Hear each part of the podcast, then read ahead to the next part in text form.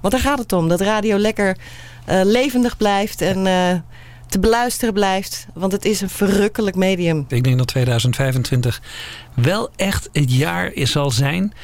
waarin het erom spant of we dan nog naar de analoge FM zullen kunnen luisteren. Het lijkt erop dat de goede oude radio zijn langste tijd heeft gehad. Er worden op radio te veel kroketten gebakken. Ik vind een kroket lekker. Uh, maar af en toe een patatje oorlog tussendoor, dat moet ook. Radio zoals het nu bestaat gaat verdwijnen. Ja, omdat het heel simpel is dat wij op een andere manier muziek consumeren. Ik geloof dat mensen graag naar goede programma's willen luisteren. En of dat nou bij Pietje zit en of dat nou bij Jopie is, dat maakt niet zoveel uit. Als het misgaat, ik geloof niet dat het misgaat. Dit is gewoon, hier zit een, een gevoel in in dit radiostation. Hier zit een stuk ziel in. Ja, mijn, mijn hele jeugd was radio, gek genoeg. Uh, wij hadden geen televisie in Draakzend. Ik heb de radio mogen meemaken van het begin. Van kaart naar autoplayer, van webcam naar visual radio. En belangrijker nog, van hey hallo naar contact maken. Ik heb zo'n tellen, er zijn nu 330 legale radiostations in dit land. Op naar de duizend. En ik vind eigenlijk dat het einde moet zijn dat iedereen in dit land zijn eigen radiostation heeft. Dat is iedereen van de straat. Let's get digital.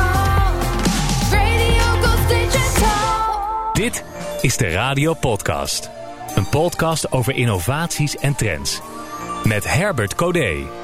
Ja, welkom. Dit is aflevering 7 van de Radio Podcast. Ik presenteer de podcast op uh, eigen titel. Vandaag een boeiend onderwerp waar ik sinds 2013 jaarlijks een blog over schrijf. En wat het leuk is, vandaag komt daar nu in audiovorm een lange versie van om daarover door te praten over de digitalisering in Nederland. Want de vraag die altijd centraal staat in de podcast is: waar staat de radio in 2025? En dat de radio digitaliseert, dat is geen nieuws. Maar in 2025 zal er nog meer digitaal geluisterd worden dan nu al het geval is. En digitaal luisteren kan op heel veel manieren zoals je weet via set van je tv, de kabel, app en DAB+. En wie er mede voor zorgt namens alle radiostations dat iedereen digitaal gaat luisteren is eh, Jacqueline Beros, projectdirecteur Digital Radio in Nederland. Welkom. Dankjewel, goedemiddag. Goedemiddag. Ja, het is nu middag, maar jij in een podcast ja, kunnen mensen ook s'nachts luisteren, s'avonds, ochtends. Dat is het leuke ervan. ik zei het en ik dacht het. ja. hey, toen je hier naartoe kwam uh, in de auto, waar heb je toen als laatst naar geluisterd? Het was stil. Het was stil. ja. En als je wel radio luistert, heb je dan een uh, eh, DAB Plus radio in je auto? Ja, zeker. Kijk, heel goed. Ja, overal. Heel goed. Ook de gast is eh, Herbert Visser, directeur Radiocorp, waar de zenders 100% NL en uh, Slam onder vallen. Herbert, welkom. Hoi, goeienacht. Ik, ben, ik vind het heel fijn dat als je om vier uur s'nachts wakker wordt en je kunt even niet slapen, dat je dan deze podcast aan het beluisteren bent. Precies, ja. ja. Waar heb jij net naar geluisterd? In de auto? Nou, niet in de auto, want ik heb geen rijbewijs. Ik, um, ik heb een speciale religie. Dus ik ben niet van de evangelische omroep, maar ik heb wel een speciale religie. En volgens mijn eigen religie, religie mag ik maar één ding met een R. Omdat ik al radiostations heb, mag ik dus geen rijbewijs. Aha. Ja. En dan ben je op de fiets gekomen? Nee, ik ben met de trein en te voet. En um, ik heb wel een radiootje bij me. Die is ook DAB+. Ik heb net inderdaad naar DAB Plus geluisterd. En ik had de Slam Mix Marathon aan. Ah, lekker. Ja. Altijd op de vrijdag. Ja, heel Precies. Goed. Ik ga zo met jullie praten over waar de digitalisering van radio in Nederland staat. Maar ook hoe het radioluisteren in de auto gaat veranderen. Zit er over tien jaar nog wel een knop op het dashboard met de term radio? En hoe zorgen radiozenders ervoor dat ze op het digitale dashboard hun plek blijven innemen? Daarnaast kijken we naar Engeland en in het bijzonder Noorwegen dat als eerste land begin dit jaar gefaseerd starten met het uitschakelen van het FM-netwerk. Maar eerst bespreek ik met vaste gast en radiocoach eh, Pierre Papa wat hem is opgevallen in Radioland. Ja, weet je dat hij 50 uh, medewerkers heeft, Howard Stern? Wat ga ik nu verder doen met mijn leven? Kanttekening bij wat mij betreft, want ik vind het er nog niet zo mooi uitzien. Daar verwacht ik ook wel veel van. Laten we niet zeiken. Uh, in Nederland hebben we dat nog niet. Ja, heel goed dit. Je kunt daar ook gewoon nieuw talent neerzetten. Echt een radionerd. Nieuws en opinie. Met radiocoach Pierre Papa. Hey Pierre. Goedemiddag, avond, ja, uh, nacht. nacht uh, nee, ik vind Herbert wel leuk, ja. De, de, nacht, hè? Dat idee. Ja, dat is wel een goed idee. Ik hoor, ik hoor net dat je me leuk vindt. Nou, dat, dat gaat me weer iets te ver, uh, Herbert. Maar ik ken je al een tijdje. Ik ben wel een hele aardige vent. Maar Dank je is niet, niet mijn, mijn seks, zeg maar.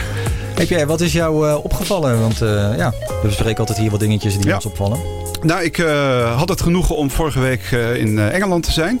Ik heb daar mogen gekozen bij coachen bij Key 103. Mm -hmm. Dat is een hitradiostation. Dat is onderdeel van de Bauer Media Group. Dat is een hele grote radiogroep in Engeland. Zitten ook in andere landen. Dus in Manchester was je? In Manchester, ja. daar mag ik wat talenten coachen. En daar heb ik natuurlijk ook gesproken over radio. Ook met de programmadirectie en over de toekomst. En dat is heel leuk, want... Engeland vind ik van, van oudsher, eigenlijk vanaf mijn jeugd al, een geweldig radioland. Kleurrijk landschap. Uh, ja, 65 miljoen inwoners geloof ik. Dus dat is een iets grotere markt. Maar het idee is natuurlijk hetzelfde. hetzelfde. Want je probeert luisteraars te bereiken en op een hele leuke manier. Um, wat grappig is bij Key 103. Uh, het is natuurlijk gewoon echt een hitradiostation. Maar ze richten zich op Manchester. En ja, eigenlijk uh, is daar natuurlijk wel wat veranderd uh, sinds maart. Daar is een, een vreselijke aanslag geweest in, in, de Manchester Arena.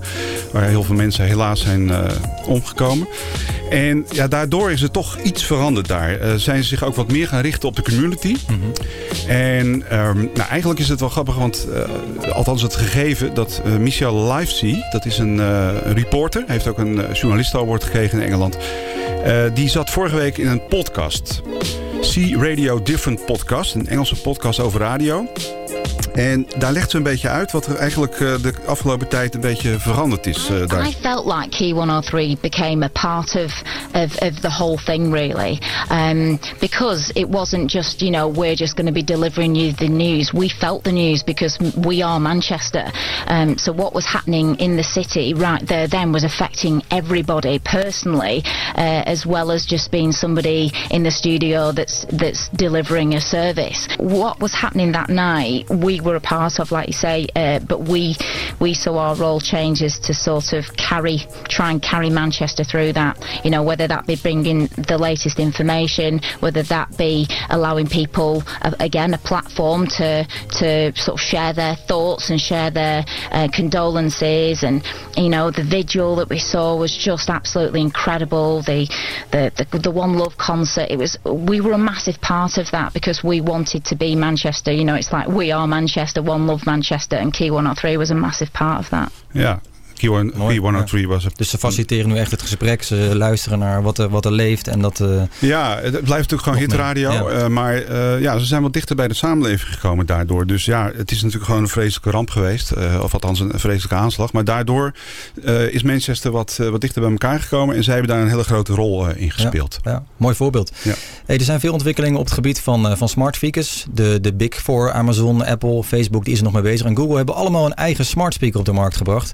Nou, Google heeft afgelopen week zelfs een bedrijf overgenomen, 60dB. Dat is een bedrijf wat uh, nou ja, gespecialiseerd is in uh, audio uh, op maat en personaliseren. Dus die techniek heeft Google nu in huis.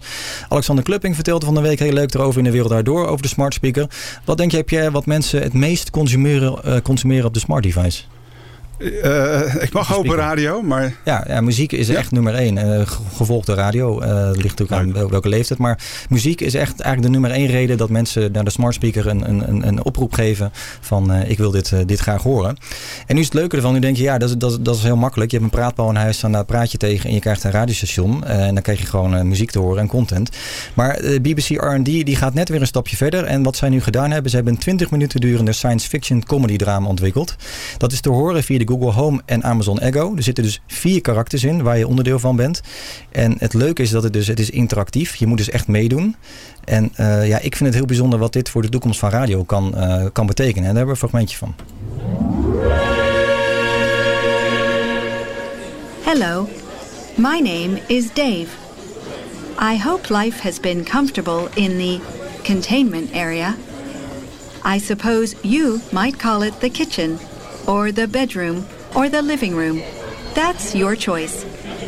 The scientists are nearly ready to meet you and start the inspection. You might even be the last thing they ever have to identify before they go home. That makes you quite special. Do you feel special? Sometimes. Lovely. That's one for the album.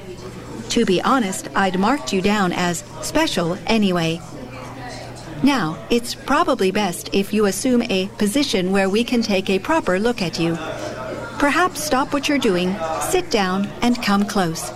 As part of the inspection, you will have to answer some questions like this Dream or reality? Which one? Reality. Very well, reality it is. Now, if you ever feel a bit lost, just ask for help. I'm afraid I can't always promise to help you. But it always feels good to say it out loud, doesn't it? Help! Ha ha ha ha. Nou, dit is zeg maar het begin is een, is een demootje. Aan het einde van het jaar komen ze met deze volledige interactieve eh, functie op de smart eh, device. Het heet de Inspection Chamber.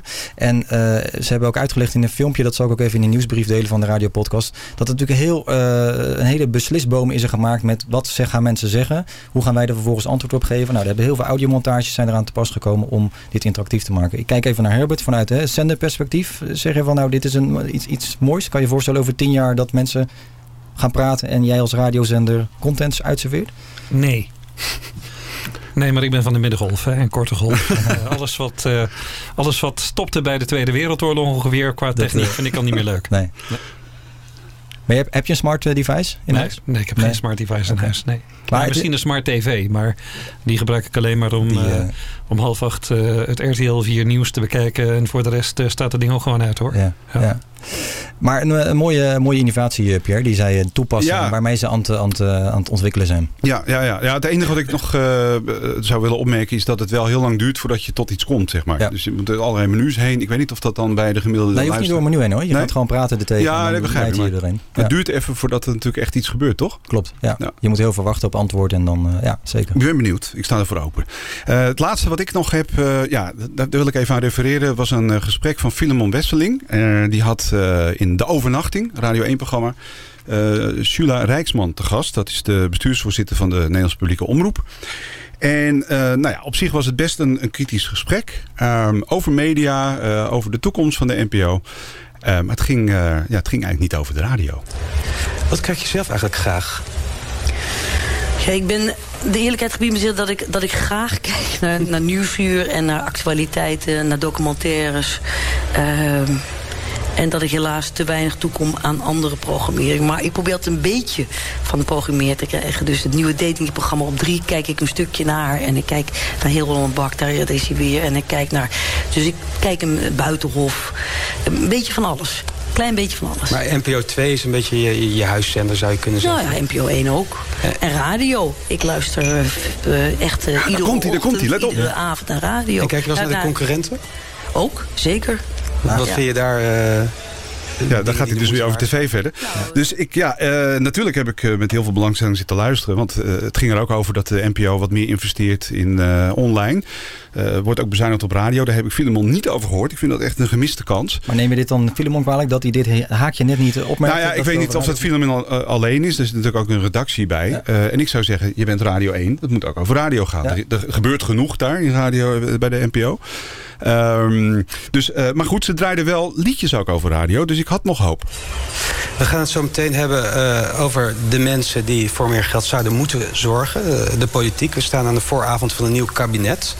Eh, ik ben benieuwd wat jouw verwachtingen daarvan, eh, daarvan zijn. En ook eh, wat, je vindt dat, eh, wat je ervan vindt dat Sander Dekker zo meteen niet meer jouw aanspreekpunt in Den Haag is. Eh, eerst nog eh, even een nummer. Het gaat weer over de radio. We dachten we, we draaien vandaag alleen maar nummers over de radio, over de media zelf. En het is het, eh, de prachtige plaat van Tom Robinson met Listen to the Radio. Wat natuurlijk een prachtige plaat eh, is. Maar ja, ik vond het een beetje een gemiste kans. Eh, ik begreep niet zo goed wat de insteek was van de redactie. Eh, ik heb het nog geprobeerd op social media bij, bij Filemon zelf. Maar die reageerde daar niet op. Dus ik denk dan van nou oké. dus je gaat het over media hebben. En we zoeken radioplaatjes uit. Maar we gaan het niet hebben over radio. Over radio, nee. Dat snapte ik niet helemaal. Herbert, heb jij daar misschien een, eh, een helder eh, kijk nou, op? Nou, ja, wat ik heb begrepen, ik ken hem niet persoonlijk, maar wat ik heb begrepen is dat Filemon Wesselink uit Zevenaar komt, waar ik ook vandaan kom. En die mensen die daar vandaan komen, die zijn per definitie gek. Dus zo iemand moet je gewoon niet serieus nemen. Dat is het, het is gek. Het is Ja. gewoon, het komt, eh, ja, waar die vandaan komt, dat, eh, dat daar, daar sporen mensen niet. Nee, oké. Ik ben zelf het lichtend voorbeeld. Ja, ja. Nou, oké. Dus jij neemt het voor Filemon op eigenlijk. Daar komt het op neer. Ja, hij is gewoon niet toerekeningsvatbaar wat dat betreft. Het, eh, Kijk, dat zijn mooie, eh, kleurrijke uitspraken, Herbert. Ja. Laten we het daar dan bij. Nou ja, ik, eh, eh, er is natuurlijk eh, al heel veel te doen. Eh, ik kijk er ook vanuit eh, mijn eh, expertise een beetje na- naar. Eh, bedoel, eh, je zou het ook kunnen hebben over wat er is gebeurd op NPO Radio 2, NPO Radio 1. Met name Avro Tros. Je ziet daar dat die omroeppolitiek een beetje wankelt. Ja, maar ik denk dat dat toen de tijd nog niet uh, hard genoeg speelde om daar... Ja, wel hoor. Dit was afgelopen zaterdagnacht. Okay, dus, okay. Uh, nee, dus ik had iets willen horen daarover. En had hij maar één vraag gesteld uh, aan, aan mevrouw Rijksman. Van, goh, hoe zit dat precies? die omroeppolitiek. Ja. Stefan Stassen, Rob Stenders, Radio 2. Annemieke Schollaert.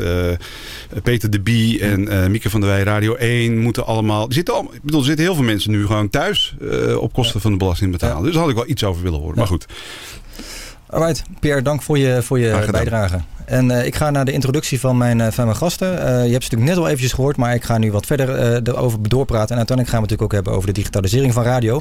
Maar het eerst is het leuk om even wat beter kennis te maken met de gasten. Ik begin bij Jacqueline Bieros. In welke branches heb jij hiervoor gewerkt toen je ja, met... Radio, ja? radio en televisie. En vooral heel veel radio vanaf 1987. Vanaf Cable One, de allereerste. Mm -hmm. Um, althans, eigenlijk niet de eerste natuurlijk. Hè. Daarvoor was ook al heel veel gaande. Maar dat commerciële radio in Nederland legaal werd... kwam uh, onder andere doordat Cable One niet de juiste constructie had om dat te zijn. Dus um, daar was, dat was de Station of the Stars van Willem ja. van Koten. Ja. Je hoorde hem net ook, hè? Dat in, de, in, in de intro, Iedereen in Nederland zijn eigen radiostation heeft, precies. En uh, ja, uh, toen was ik 18 of 19 jaar. En daar ben ik begonnen. The Station of the Stars met Linda de Mol, Cas van Iersel, Phil Woodney. Mm -hmm. En um, we spraken Eurowaals. Dus, uh, nou, een Yoko CD-player voor only 398 guilders. nou, dat was in de reclame misschien. Ja. Nou, wat heb je dan met radio? Waarom heb je, ben je daar zo ben je oh, daar toevallig heel, ingerold? Ja, ik ben daar echt heel toevallig ingerold. Want ik kom uit een uh, autovamilie. Motorracen en, uh, en auto's. Ja. Autoschades en alles wat er met... ik vind het ook nog steeds heel lekker ruiken. Ja. Auto's. ja. En je hebt ook bij Slam gewerkt? Jazeker, ja. En bij welke stations nog meer? Um, nou, na Cable One uh, werd het Sky Radio. Het ja. oprichten daarvan en het uitbouwen. En daar hebben we Hitradio opgericht. Dat is ook wel bekend als Radio 538. Daar heb ik uh, de basis voor mogen helpen leggen. En uh, van daaruit zijn we met TMF TV10 gestart. Wat een onderdeel werd van... En ik, ik, la, ik ga eventjes hoog over mm -hmm. hoor. Daar zat Radio 10, Concertradio en um, Love Radio bij. Dus dat waren vijf stations. En toen deed ik ook weer per ongeluk distributie. Ik ben echt een manetje van alles ja. uh, door de jaren heen. Uh, op allerlei verschillende fronten gewerkt. En, um, maar mijn specialisatie is wel distributie. Dus alles wat met uh, frequenties te maken heeft. satelliet, FM, internet of anderszins. DHB Plus inmiddels. Um, en ook marketing. Ja, en dat en doe je dus met veel plezier. En, heel veel, en ja. Nickelodeon gestart in Nederland. Hm. En uh, nou ja, van allerlei dingen betrokken ja. geweest. En over de DAB Plus activiteit heb ik nog een uh, fragmentje. Uh, welcome to today's World DAB session at IBC. DAB at the core of the digital transformation. We have an interesting program for you on how digital radio and DAB uh, is evolving throughout the world, seen out of different perspectives and angles. BNR Digitaal. Blankenstein. Digitale radio, de opvolger van FM die al jarenlang wordt gepromoot. Deze week is het de week van de digitale radio. Hoe gaat het op dit moment met DAB Plus en met digitale radio? Ga ik over praten met Jacqueline Bierhorst, projectleider van Digital Radio NL, samenwerkingsverband van publieke en commerciële omroepen, dat onder andere DAB Plus aan de man moet brengen. Nein, es, es wird nicht zurückgeholt. Und es ist wunderbar, dass das Gefühl da ist, dass es nur DAB Plus ist. Ja, je gaat dus de hele wereld over. En in allerlei talen mag je dus vertellen hoe het in Nederland uh, gaat met grappig. de ontwikkelingen. Ja, dat klopt. Ja. Ik heb het op zijn Frans en Duits. Maar ik, dit had ik niet verwacht. Grijnig. Leuk gedaan. ja. ja, ik ben uh, onlangs nog in Istanbul geweest. In Nassau. Uh, ja, de digitalisering is iets van het medium radio. Is wereldwijd gaande. En uh, in Europa is het zeker DHB Plus dat de opvolger is uh, van FM. En in andere landen, of daarbuiten, buiten Europa, kan daar nog keuzes in gemaakt worden. Maar DHB Plus is dat in zo'n 38 landen waar dit gaande is. Ja. En uh, er zijn ook nog andere normen. Ja. Nou, daar gaan we het straks zeker over hebben. Herbert Visser, hoe ben jij in aanraking gekomen met, met radio? Ja, heb je even. Nou ja. Het is een podcast, hè? Er zit geen, dus geen, einde, dus, uh, einde op. We hebben geen sterblokken of Hoe ben ik uh, in aanraking gekomen met radio? Dat zat er altijd al in. Ik weet dat ik als heel klein kind al helemaal begeesterd was door dat radioapparaat. En uh, er helemaal door gefixeerd was. En nog steeds. Ja, en jij bent ook uh, als piraat begonnen eigenlijk? Of ja. ziekenomroep? Uh... Nee, nee, nee, nee, zeker geen ziekenomroep. Nee, joh, daar heb je te maken met allemaal... Ja, toch, als je een zender in de lucht kunt brengen en iedereen kan luisteren... ga je toch niet alleen maar uitzenden voor alleen maar zieke mensen. Nee, nee. Ik bedoel, zieke mensen kunnen ook luisteren naar die radiopiraat. Ja. Dus dan heb je ook nog heel veel gezonde mensen die erbij kunnen luisteren. Weet je wel. Dus nee, um, ja, commerciële omroep was verboden. En ik wilde dat wel heel graag maken. En uh, toen ik heel klein was, dacht ik ook van... nou, ik ga maar emigreren naar Amerika. Want daar hebben ze tenminste gewoon legale commerciële radio. Alleen ja, daar moet je toch wel enigszins native English voor praten. -hmm. En uh, nou, dat doe ik dan natuurlijk ook weer niet. Maar um, ja, uh, toen ik uh, van de MAVO in Zevenaar, daar heb je het weer, afkwam. Ja. Toen al die gekke mensen vandaan komen. Um, toen heb ik uh, een briefje gestuurd naar wat Belgische vrije radiozenders. Of eigenlijk naar eentje maar, Radio 7. En dat was een vrij grote zender in Brussel destijds. En ik werd meteen aangenomen daar. En ik kon daar aan de slag op mijn zeventiende. Uh, dus toen ik 17, 18 was, zat ik in uh, België bij de grote vrije radio's. Eerst Radio 7, daarna Radio Contact. Vervolgens uh, ja, verzelde ik in Nijmegen in 1983. Niet zo heel ver van Zevenaar af. Mm -hmm. uh, waar we met... Nou ja, er waren wat lokale initiatieven daar. Op illegaal gebied natuurlijk. Mm -hmm. En dat groeide uit tot een paar grote piratenradiozenders voor het oosten van het land. In het westen had je stations als Hofstad in Den Haag. Ja. Uniek en Decibel in Amsterdam. En in Nijmegen had je Delta en Keizerstad. En ik was in hoge mate betrokken bij dat bij dat Delta. En dat deed ik van 1983 tot 86. Nou, toen was ik 16 keer gepakt wegens illegaal zenden. En had al een maand voorwaardelijke gevangenisstraf gehad. En je was dan ook als DJ echt actief? Je was ja, als DJ. Maar, ja. ja. ik was daar als DJ, maar vooral als... Uh, ja, ik behoorde gewoon tot de organisatie. En met, uh, met een paar mensen runden we gewoon 24 uur per dag... een commercieel radiostation zonder vergunning. Ja. En dat betekent dus ook dat als je gepakt werd... en meestal werd ik uh, gepakt... -huh dat je dan uh, meteen aan de slag ging om een nieuwe zendmast te plaatsen. Nieuwe antenne, nieuwe studio, nieuwe zender. En dan een paar uur later, een uurtje of zeven, acht later... zond je vanaf dezelfde locatie gewoon weer uit. Tot uh, de volgende in beslag namen. Nou, dat deed ik een jaar of vier. Dus terwijl je geen vergunning had, runde je wel...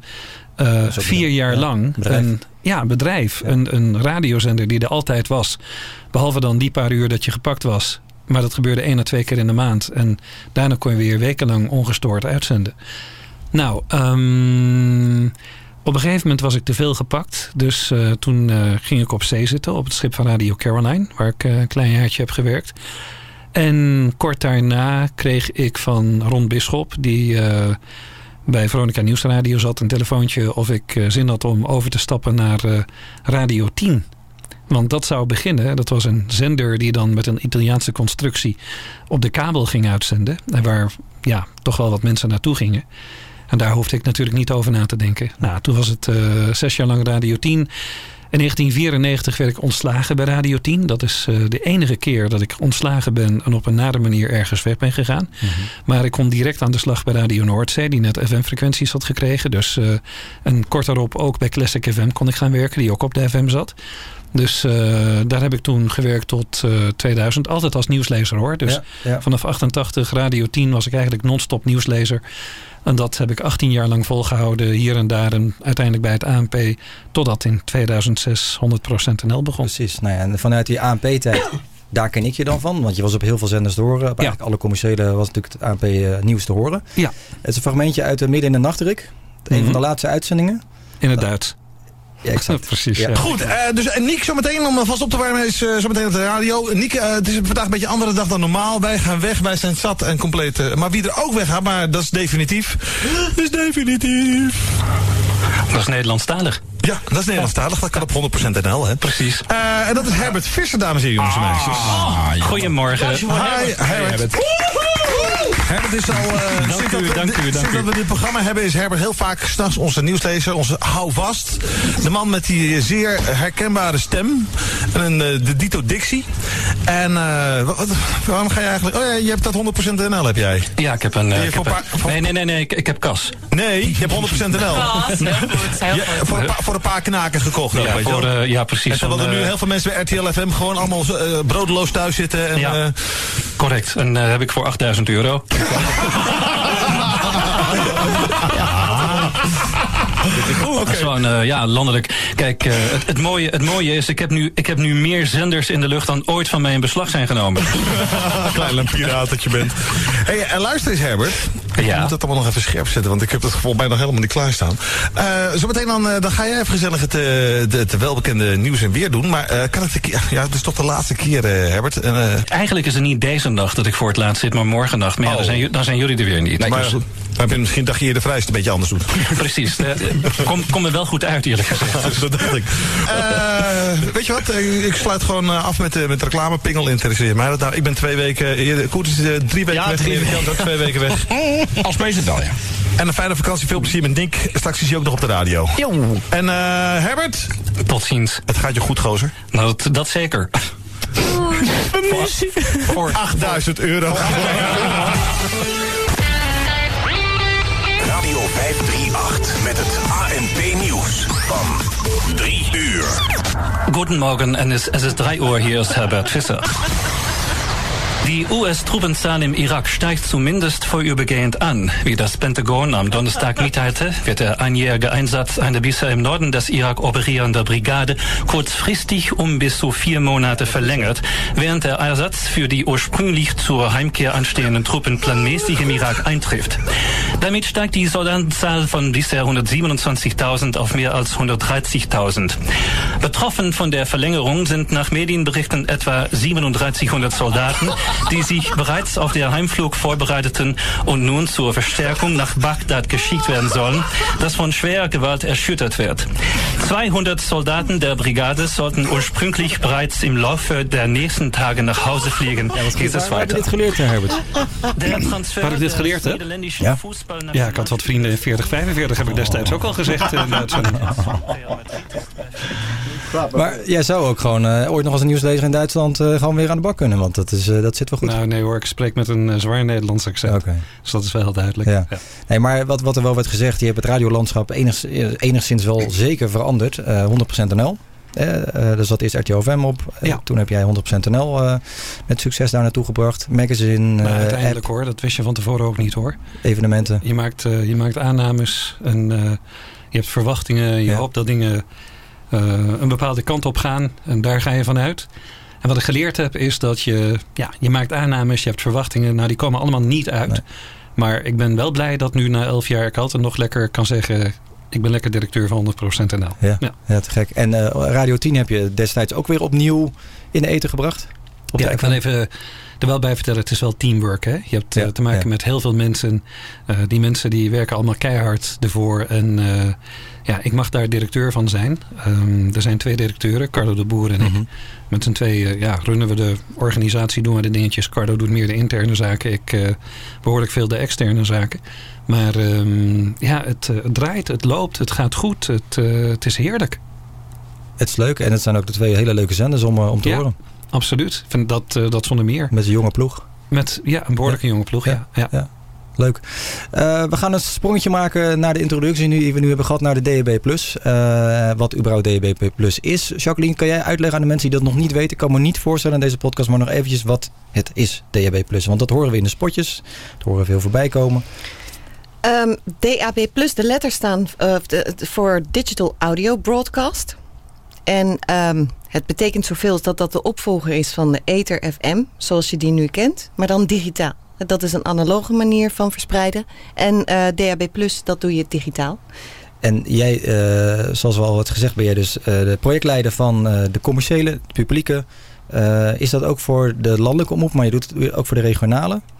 Ja, we werken samen met elkaar. Het, het, initiatief is er gekomen uit een samenwerking van de commerciële landelijke omroepen en de, de landelijke publieke omroep. Mm -hmm. In samenwerking met het ministerie van Economische Zaken. En daarbij aangesloten zijn RPO, uh, NLCR, maar ook uh, consumenten, uh, consumentenelektronica organisatie VIR en de rijvereniging, de automobielindustrie. Ja. Die zijn allemaal betrokken, allemaal betrokken bij ja. de digitalisering. Ja, ja, ja, want eigenlijk ook dit is een volledig teamding. Je kunt dit absoluut niet in je eentje regelen. Nee. nee. Nu bestaat die techniek natuurlijk al heel veel jaren. Waarom zijn we daar in Nederland nu pas eigenlijk mee bezig sinds 2013, 14? Nou, eigenlijk hadden we net al een sprongetje naar het verleden. Als je teruggaat naar 1987 was commerciële radio in Nederland nog niet eens uh, mogelijk uh, officieel. En er waren helemaal nog geen etherfrequenties, ook niet op FM. Dus dat is allemaal uh, in het verleden bevochten door een aantal mensen om dat wel voor elkaar te krijgen. En met stations als Radio 10, Cable One, Sky Radio ehm, en, en uh, uh, Radio Noordzee werd op een gegeven moment het inderdaad mogelijk om Nederlands commerciële omroep te doen. In eerste instantie op de kabel. En vervolgens moesten we nog bevechten dat er wel ether was. Ja. En is er een zero-base onderzoek geweest. Dus wij komen van een andere achtergrond mm -hmm. eigenlijk dan landen om ons heen. Bijvoorbeeld Engeland, waar ja. je straks ook over wilt spreken. is een land waar al veel langer uh, commerciële omroep toegelaten was. En, en hier kom je van een andere positie. Dus uh, eigenlijk gaat het zelfs best wel snel. Het is inderdaad zo dat digitale etherradio er al een aantal jaren is. -hmm. Zo'n twee, drie decennia. Uh, de voorloper ervan heette DAB. Wij kennen nu DAB+. Dus eigenlijk heeft het uh, wel geholpen dat we pas later met DAB Plus zijn begonnen. Want we konden meteen met de Plus uh, aan de gang. Daar heb je wat voordelen ja. bij ten opzichte van DAB. Ja, want dat is natuurlijk in Engeland, daar komen we straks over te spreken. Daar hebben ze nog de DAB. Allebei, ze hebben het daar ja. gecombineerd. Precies. En, en dan kijk ik ook even naar Herbert. De verschillen daartussenin zijn DAB en DAB+. Ja, het is een, technisch verhaal. Dat zijn de bitrates. Maar als je kijkt naar de beschikbare ruimte... die we op dit moment nog altijd beschikbaar hebben voor ja, DAB, DAB+. Als we in de oude norm op DAB ga, zouden gaan uitzenden...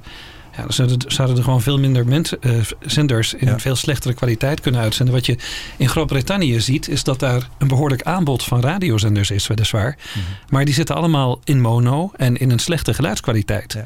Uh, voor de kenners, voor de freaks. Uh, de oude DAB Plus norm heeft MPEG 2 en de huidige DAB of de oude DAB norm heeft MPEG 2. Ja. Dat is een standaard die dateert uit de jaren 80. En DAB Plus werkt met AAC Plus.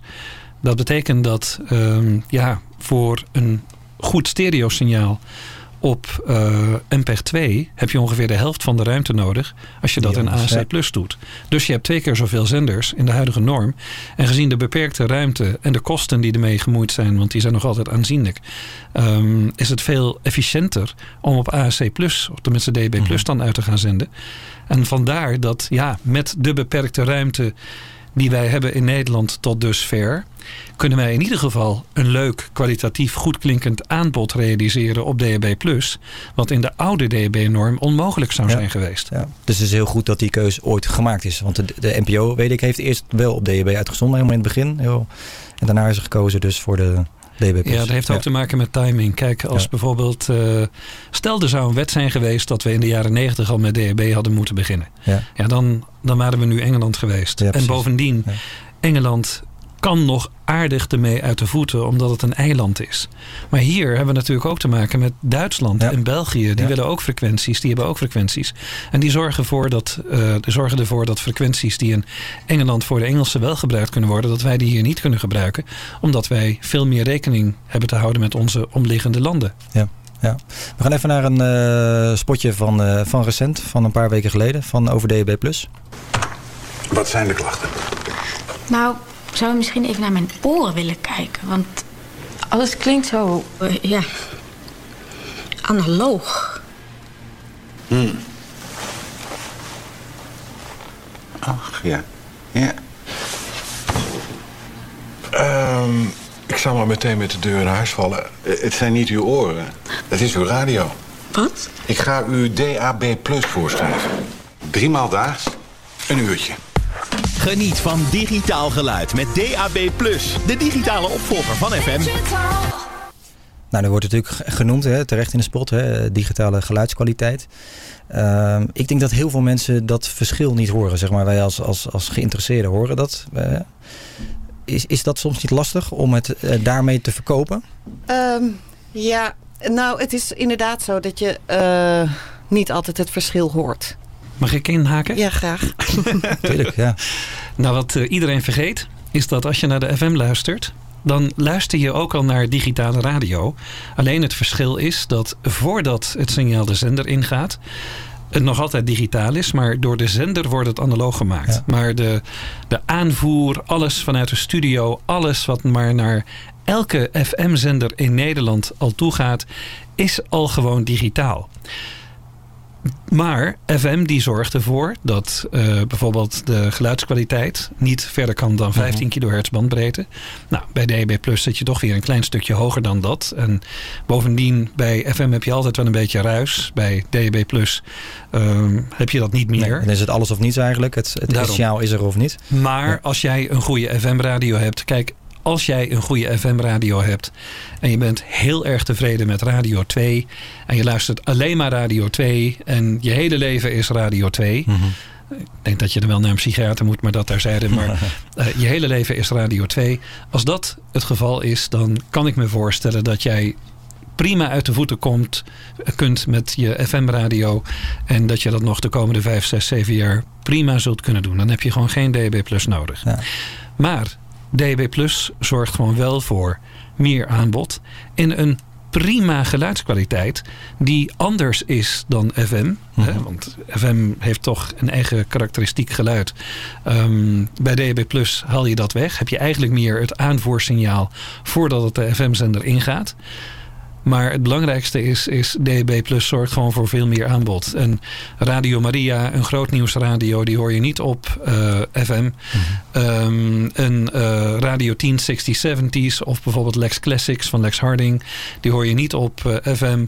Een BBC World Service, um, de zenders waar ik heel veel naar luister, zijn 100% NL en Slam afwisselend. Dat zal je niet verbazen. -huh. Dat zijn echt de zenders waar ja. ik echt met afstand het meest naar luister.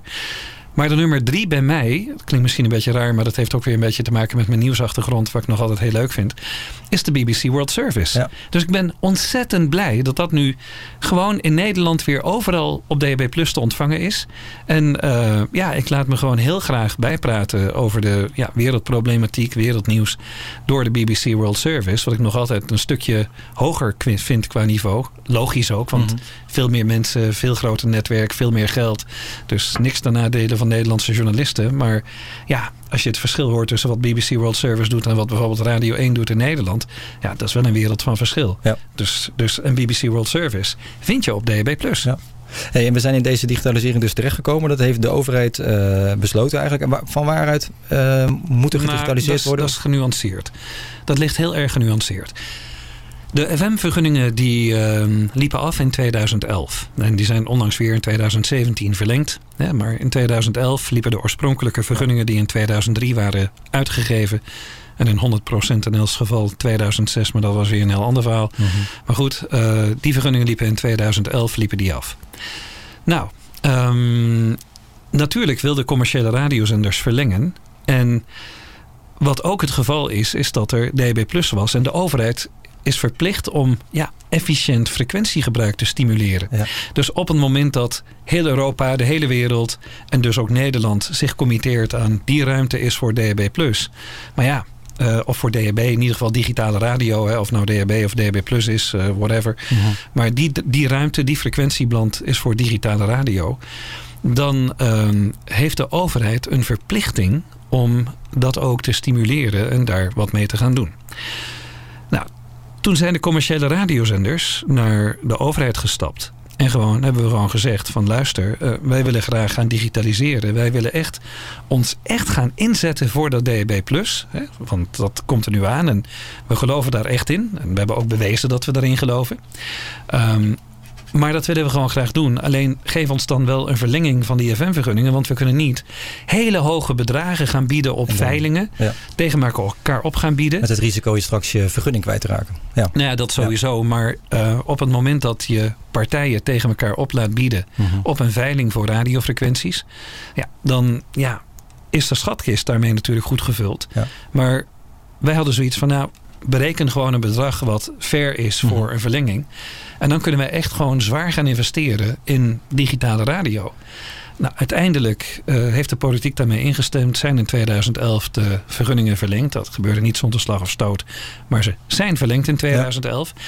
En als sector, als landelijke commerciële radio, hebben we toen echt de koppen bij elkaar gestoken. En hebben we laten, hebben we laten zien en hebben gezegd: van we gaan hier ook nu echt onze schouders onder zetten. Het is geen loze belofte. We gaan echt laten zien dat het ons menens is. En we gaan echt dat digitaliseringspad op. En dat doen we nog steeds.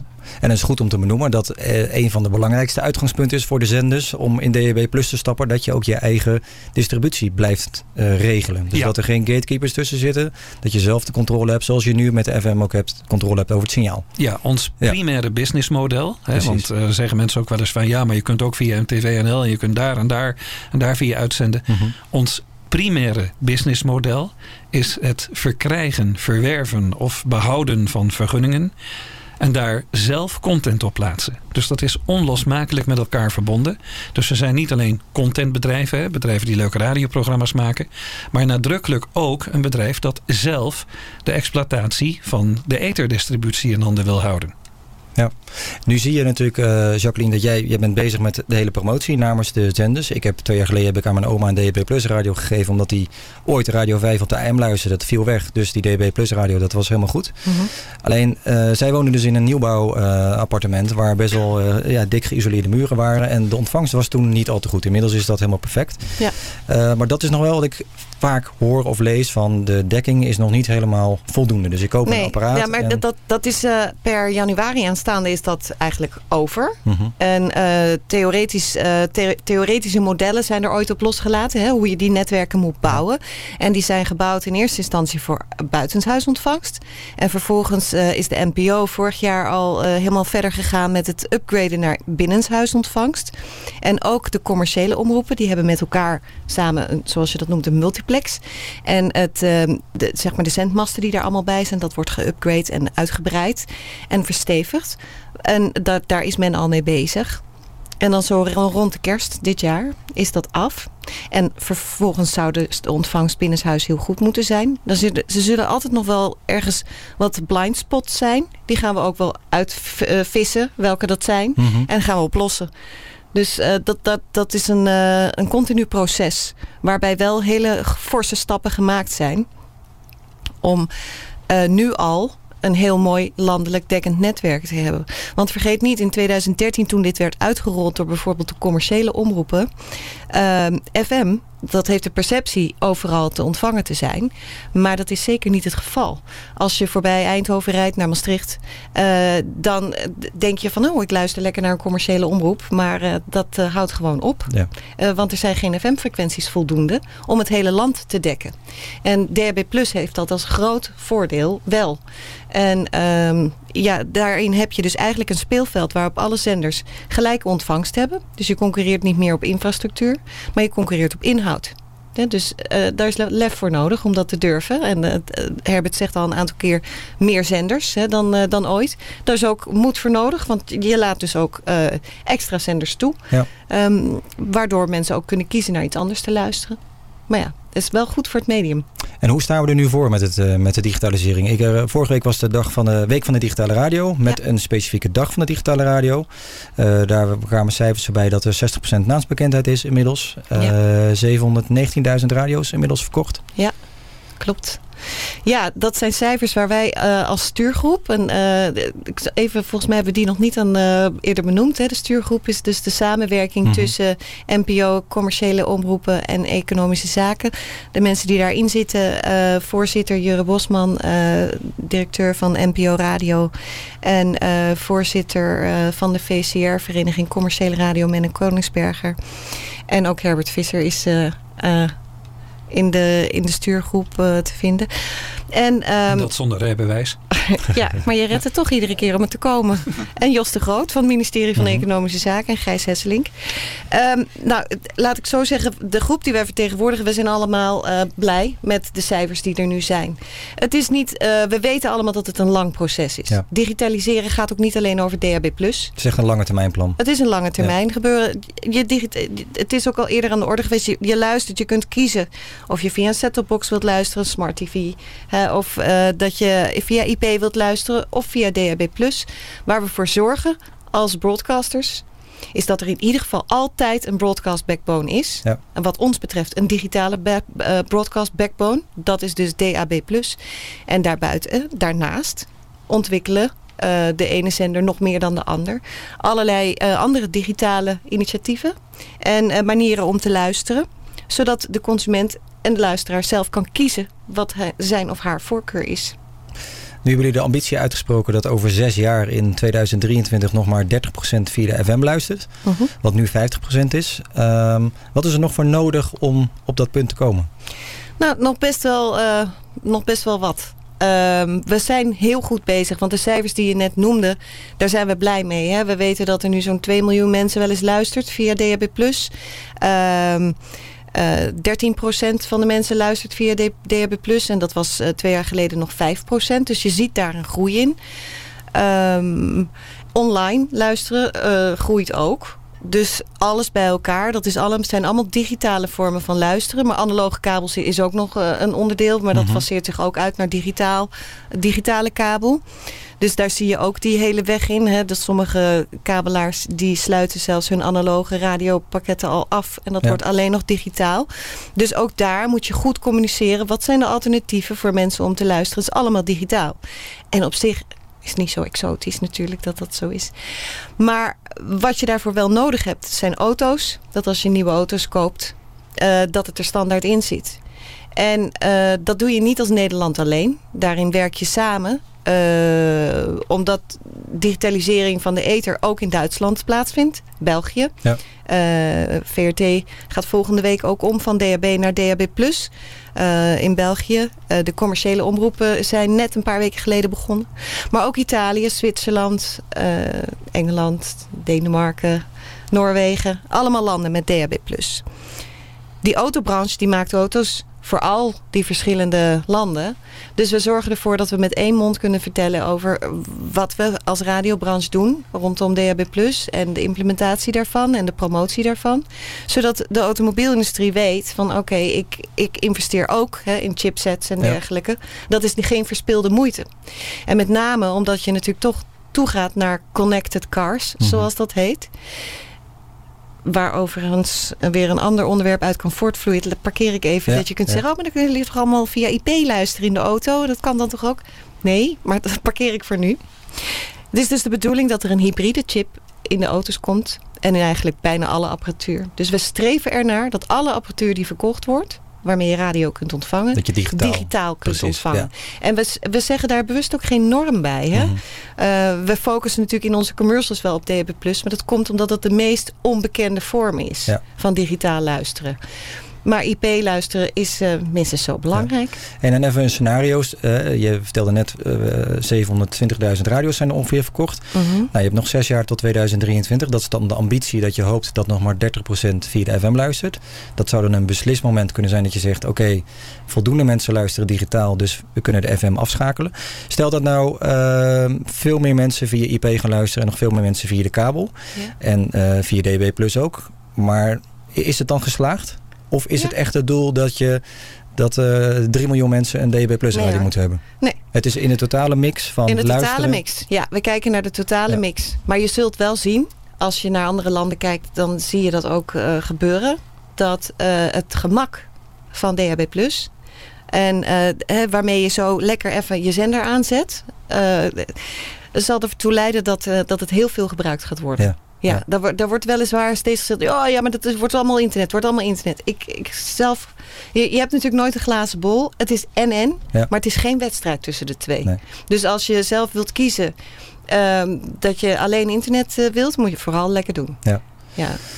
Ik denk dat dat ook soms, dat is natuurlijk veel gehoorde kritiek, hè, dat dat gevoel er is van ja, maar ik heb internet inderdaad. En dat Ja. daar, dat daar men- mensen denken van nou, dan moet je maar niet investeren als eh, stations in digitale radio. Maar dat is dan natuurlijk veel te kort door de bocht, want het is het hele pakket. En dat is misschien goed om Ja, ik, ik denk wel dat hebben. als je een broadcaster bent... Hè, zoals wij als radiostations zijn... Mhm. dan moet je zorgen... Je kunt niet als broadcaster zorgen dat je geen broadcast meer hebt... alleen één op één streams gaat leveren. Waarom? Ik bedoel, naast het feit dat er echt veel aandacht voor is wereldwijd, niet alleen in Nederland. En het is ook niet uit bedweterigheid dat we denken, of uit, uit een bepaalde eh, eh, filosofie dat we denken, oh ja, maar wij drukken het erdoor. Het is gewoon een hele Ja. prettige manier om op een eh, gratis en toegankelijke wijze toegang te hebben eh, Ja. tot radio. Ja. Dus eh, ja, je bent het aan je standaard verplicht als je een broadcaster bent om broadcast eh, backbone te houden gewoon. Naast het feit dat je internet eh radiostreams eh, levert. geldt dat ook voor de lokale omroepen? Is dat dan ook iets wat een speerpunt is van jullie om ook de lokale omroepen over te laten gaan op digitale radio? Er zijn natuurlijk ook experimenten her en der in het land. Ja, dat is niet zozeer het speerpunt van de stuurgroep. Uh, dat is niet de, de, de, main focus is mm -hmm. echt om te zorgen dat in algemene, in algemene zin in alle apparatuur het komt. Ja.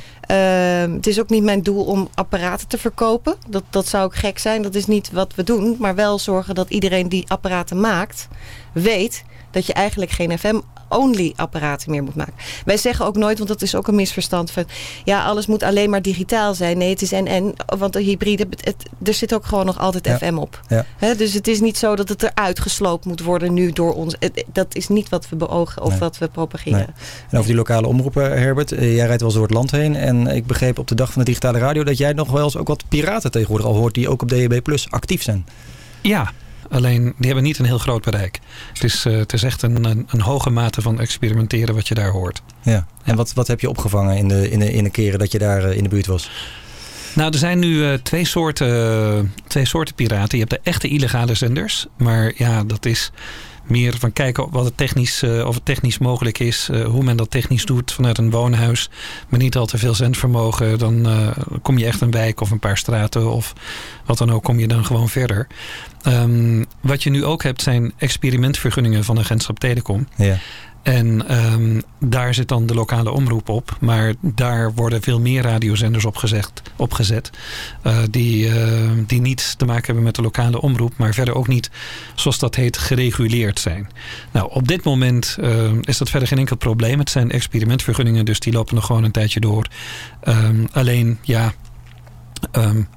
Er zal wel over gesproken moeten worden. En dat gesprek, uh, die gesprekken zullen, zullen wel daar binnenkort gaan plaatsvinden. Maar ik begreep ook dat jij daar een, een bepaalde zender hoorde. Dat, je heet het Kanon van de Veluwe. Ja, het Kanon van de Veluwe. Dat zit via zo'n experimentvergunning in Nijkerk. En ja. uh, die heb ik genoemd tijdens de dag voor de digitale radio. Die bestaat dus gewoon echt. Als je op de Veluwe rondrijdt in een uh, gedeelte rond Nijkerk, Putten, richting Amersfoort... Ja. En je laat je radio scannen op DHB+, dan hoor je daar het kanon van de Veluwe. Wat goed, Inderdaad. wat goed. Ja. Maar het kanon van de Veluwe, voor jouw informatie, uh, bestaat uit een uh, ja, collectie uh, mp3'tjes um, met wat oude piratenhits. Ja. En klinkt belabberd op de radio. En ik zal je vertellen hoe dat komt. Dat overigens merk je dat ook in het buitenland. In Nederland vind ik, hebben we technisch goed voor elkaar. Maar um, waar ik op zit te hameren, en daar letten we ook echt op bij 100% NL en Slam, is dat de audio aan DHB+, want het blijven AAC Plus streams die ja. zwaar gecomprimeerd zijn. He, bijvoorbeeld Slam zit op 96 kilobytes, nou dat klinkt prima. 100% NL zit op 104 kilobytes, dat klinkt ook goed. Maar er zijn ook behoorlijke grote radiozenders die maar uitzenden in 64 kilobyte. Nou daarmee kun je nog altijd een behoorlijk goed geluid realiseren. Maar dan moet je wel ervoor zorgen dat uh, de aanvoer van de audio, net als een podcast, mm -hmm. dus we kunnen gewoon even de diepte in. Ja, ja. Um, dat de aanvoer van de audio dat die eigenlijk cd-kwaliteit is. En ja. wat wij dus doen met 100% NL en Slam... alle muziek staat lineair in onze database. Betekent dus gewoon echt in cd-kwaliteit. Ja. Daarna gaat uh, die audiolijn vanuit de studio gaat in glasvezel. Dus volledige cd-kwaliteit. Lineair naar het punt bij Broadcast Partners mm -hmm. in Terneuzen... waar het aan elkaar wordt geknopt. Nou, daar wordt vervolgens slechts één keer de conversie gemaakt naar die uh, AAC-streams. Die AAC-streams ja. op DHB+. En dan klinkt het behoorlijk. Hm. Maar wat ik tegenkom hier en daar door het land, met name via die experimenteervergunningen. Uh, dat zijn uh, ja, laptops met mp3's die dan via internet worden aangestuurd naar een of ander punt waar het dan uh, wordt, wordt verdeeld. Um, als ze experimenteren dan hebben ze misschien ook nog wel wat meerdere plaatsen waar ze proberen te synchroniseren. Maar als dat niet goed gaat dan heffen die DAB Plus signalen elkaar juist weer op. Dus... Wat ik in experimenteerland bij lokale omroepen aantref in technisch opzicht, maar ook in programmatisch opzicht op dit moment is wel een enorme janboel. Ja. Dat is in ieder geval mijn persoonlijke ja. mening. Daar is nog verbetering, uh, verbetering mogelijk. Ja, hier is zeker verbetering mogelijk. Ja. Nog even benieuwd naar de aanbodkant. Uh, zoals we net al zeiden, iedere zender heeft dus in, in het voordeel van DHB Plus heb je dus een tweede kanaal beschikbaar. Dus Slam heeft een kanaal, uh, 100% NL kanaal. En er is altijd nog een extra kanaal beschikbaar. Wel, welk aanbod? Dat is niet meer. Um, tot 1 september gold de verplichting dat uh, binnen de bandbreedte van 128 kilobytes die je had gekregen... dat je daar twee radiozenders moest aanbieden. Ja. Um, en we hadden na Slam hadden we dan retro hits. Nou, per 1 september is die uh, verplichting vervallen. Mhm. Nou ja, en met een Lex Classics en met een Radio 1060-70's... die ook iedereen kan beluisteren op DHB Plus door heel Nederland... Wat is toch dan nog de noodzaak dat een station die, uh, of een organisatie die 100% NL en Slam commercieel runt op DHB Plus een non-stop carousel heeft met retrohits. Dus we hebben retrohits ervan afgehaald en uh, die bitrates opgeteld bij 100% NL en Slam. Waardoor die zenders nu op DHB Plus een fantastische geluidskwaliteit ja. hebben. Maar daar heb je dus een deal mee gemaakt. Dus je verhuurt nu eigenlijk je ruimte aan een, aan een derde partij. Nee, de enige waar we, en ik zou niet van uh, verhuur willen spreken. De enige partij die gebruik maakt van ook onze frequentieruimte is Radio Maria. En um, ik ben met Radio Maria in contact gekomen nog voordat DB Plus er was. Hm. Uh, ik ga natuurlijk, uh, zoals iedereen weet, elke zondag trouw naar de kerk. En, uh, ja. dan, en ik ga ook, ook altijd. ik, ga wel, ik blijf nooit lang. Ik ga altijd voortzingen de kerk uit. dus, maar nee, um, voor, voor 2013 um, had ik al contact met Radio Maria. En um, ik raakte met hen in gesprek. En zij wilde graag gebruik maken van DB Plus ruimte. En nou ja, ik had zoiets van waarom niet? Hè? Als het wat wordt, ja. dan zien we het wel. En als het niks wordt, dan, uh, dan uh, ja, wordt het gewoon niks.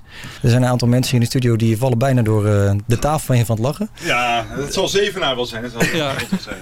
Maar um, had jij niet vanuit zenderperspectief, daar heb je natuurlijk uiteraard berekeningen over gemaakt, dat je dacht van oké, okay, die extra ruimte is er. Ik wil nog een heel nieuw kanaal initiëren.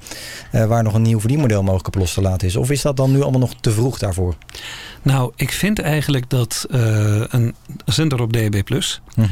Nou, het verdienmodel, nou ja, zo'n zender vergt investeringen, ja. maar we hadden gewoon nou eenmaal die overeenkomst met Radio Maria. En ik vind ook dat uh, als je een overeenkomst hebt met een partij en een partij komt, uh, ja, gewoon de bepalingen van de overeenkomst die je hebt keurig netjes na ja. en jij doet dat ook dat er geen enkele reden is om dat, uh, dat op te zeggen. Dus, um, dus we zijn er gewoon mee doorgegaan met Radio Maria. Dat betekent dat, ja, qua bitrates en met mijn uh, gedachtegang dat je toch voor een goede geluidskwaliteit minimaal 96 kilobyte zou moeten hebben. Ja, dan bleef er al geen ruimte meer over. Dus dan heb je 100% NL in, nou ja, we hadden nog 8 kilobytes over. Die hebben we maar opgeteld bij 100% NL omdat 100% dan nog net even weer wat meer lineaire liedjes draait dan slam. Bijvoorbeeld met name bij de mixmarathon zijn het goede kwaliteits mp3's vaak. Maar het zijn wel mp3's. Ja. Nou, dat hoor je als luisteraar, hoor je dat niet. Maar ja, dan klinkt het bij 100% NL net nog weer even een tikkeltje mooier. Omdat 100% NL dat niet doet. Maar uh, Slam is, uh, ja, denk ik, toch een van de best best klinkende radiozenders in technische zin op heel DAB+. Ja, nou, 100% NL ook. Ja, en dan heb je geen ruimte meer over om uh, nog iets anders te doen. Ja. Maar we willen die ruimte wel. En bij de veiling van Layer 7, dat is een nieuw landelijk netwerk op DAB+, dat waarschijnlijk volgend jaar verdeeld zal gaan worden, denk ik. Uh, zijn we er zeker bij om daar extra ruimte te verwerven en dan wel nieuwe radiozenders te beginnen. En als ik nou zeg van oké, okay, ik vind dat uh, te gek wat je nu aanbiedt. Dus of ik zeg van uh, ik ga naar 100% NL luisteren of ik wil Radio Maria horen.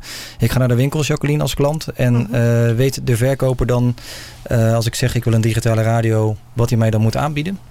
Ik denk dat het percentage verkopers dat dat nu weet groter is dan een paar jaar geleden. ik durf nog niet te zeggen dat iedereen het weet. Maar um, de eigenlijk is het wel zo dat je het zelfs herkenbaar ziet in schappen. Mm -hmm. uh, zelfs in categorieën bij webwinkels. Uh, dus uh, dat je naar digitale radio's, zelfs het woord hybride radio komt voor.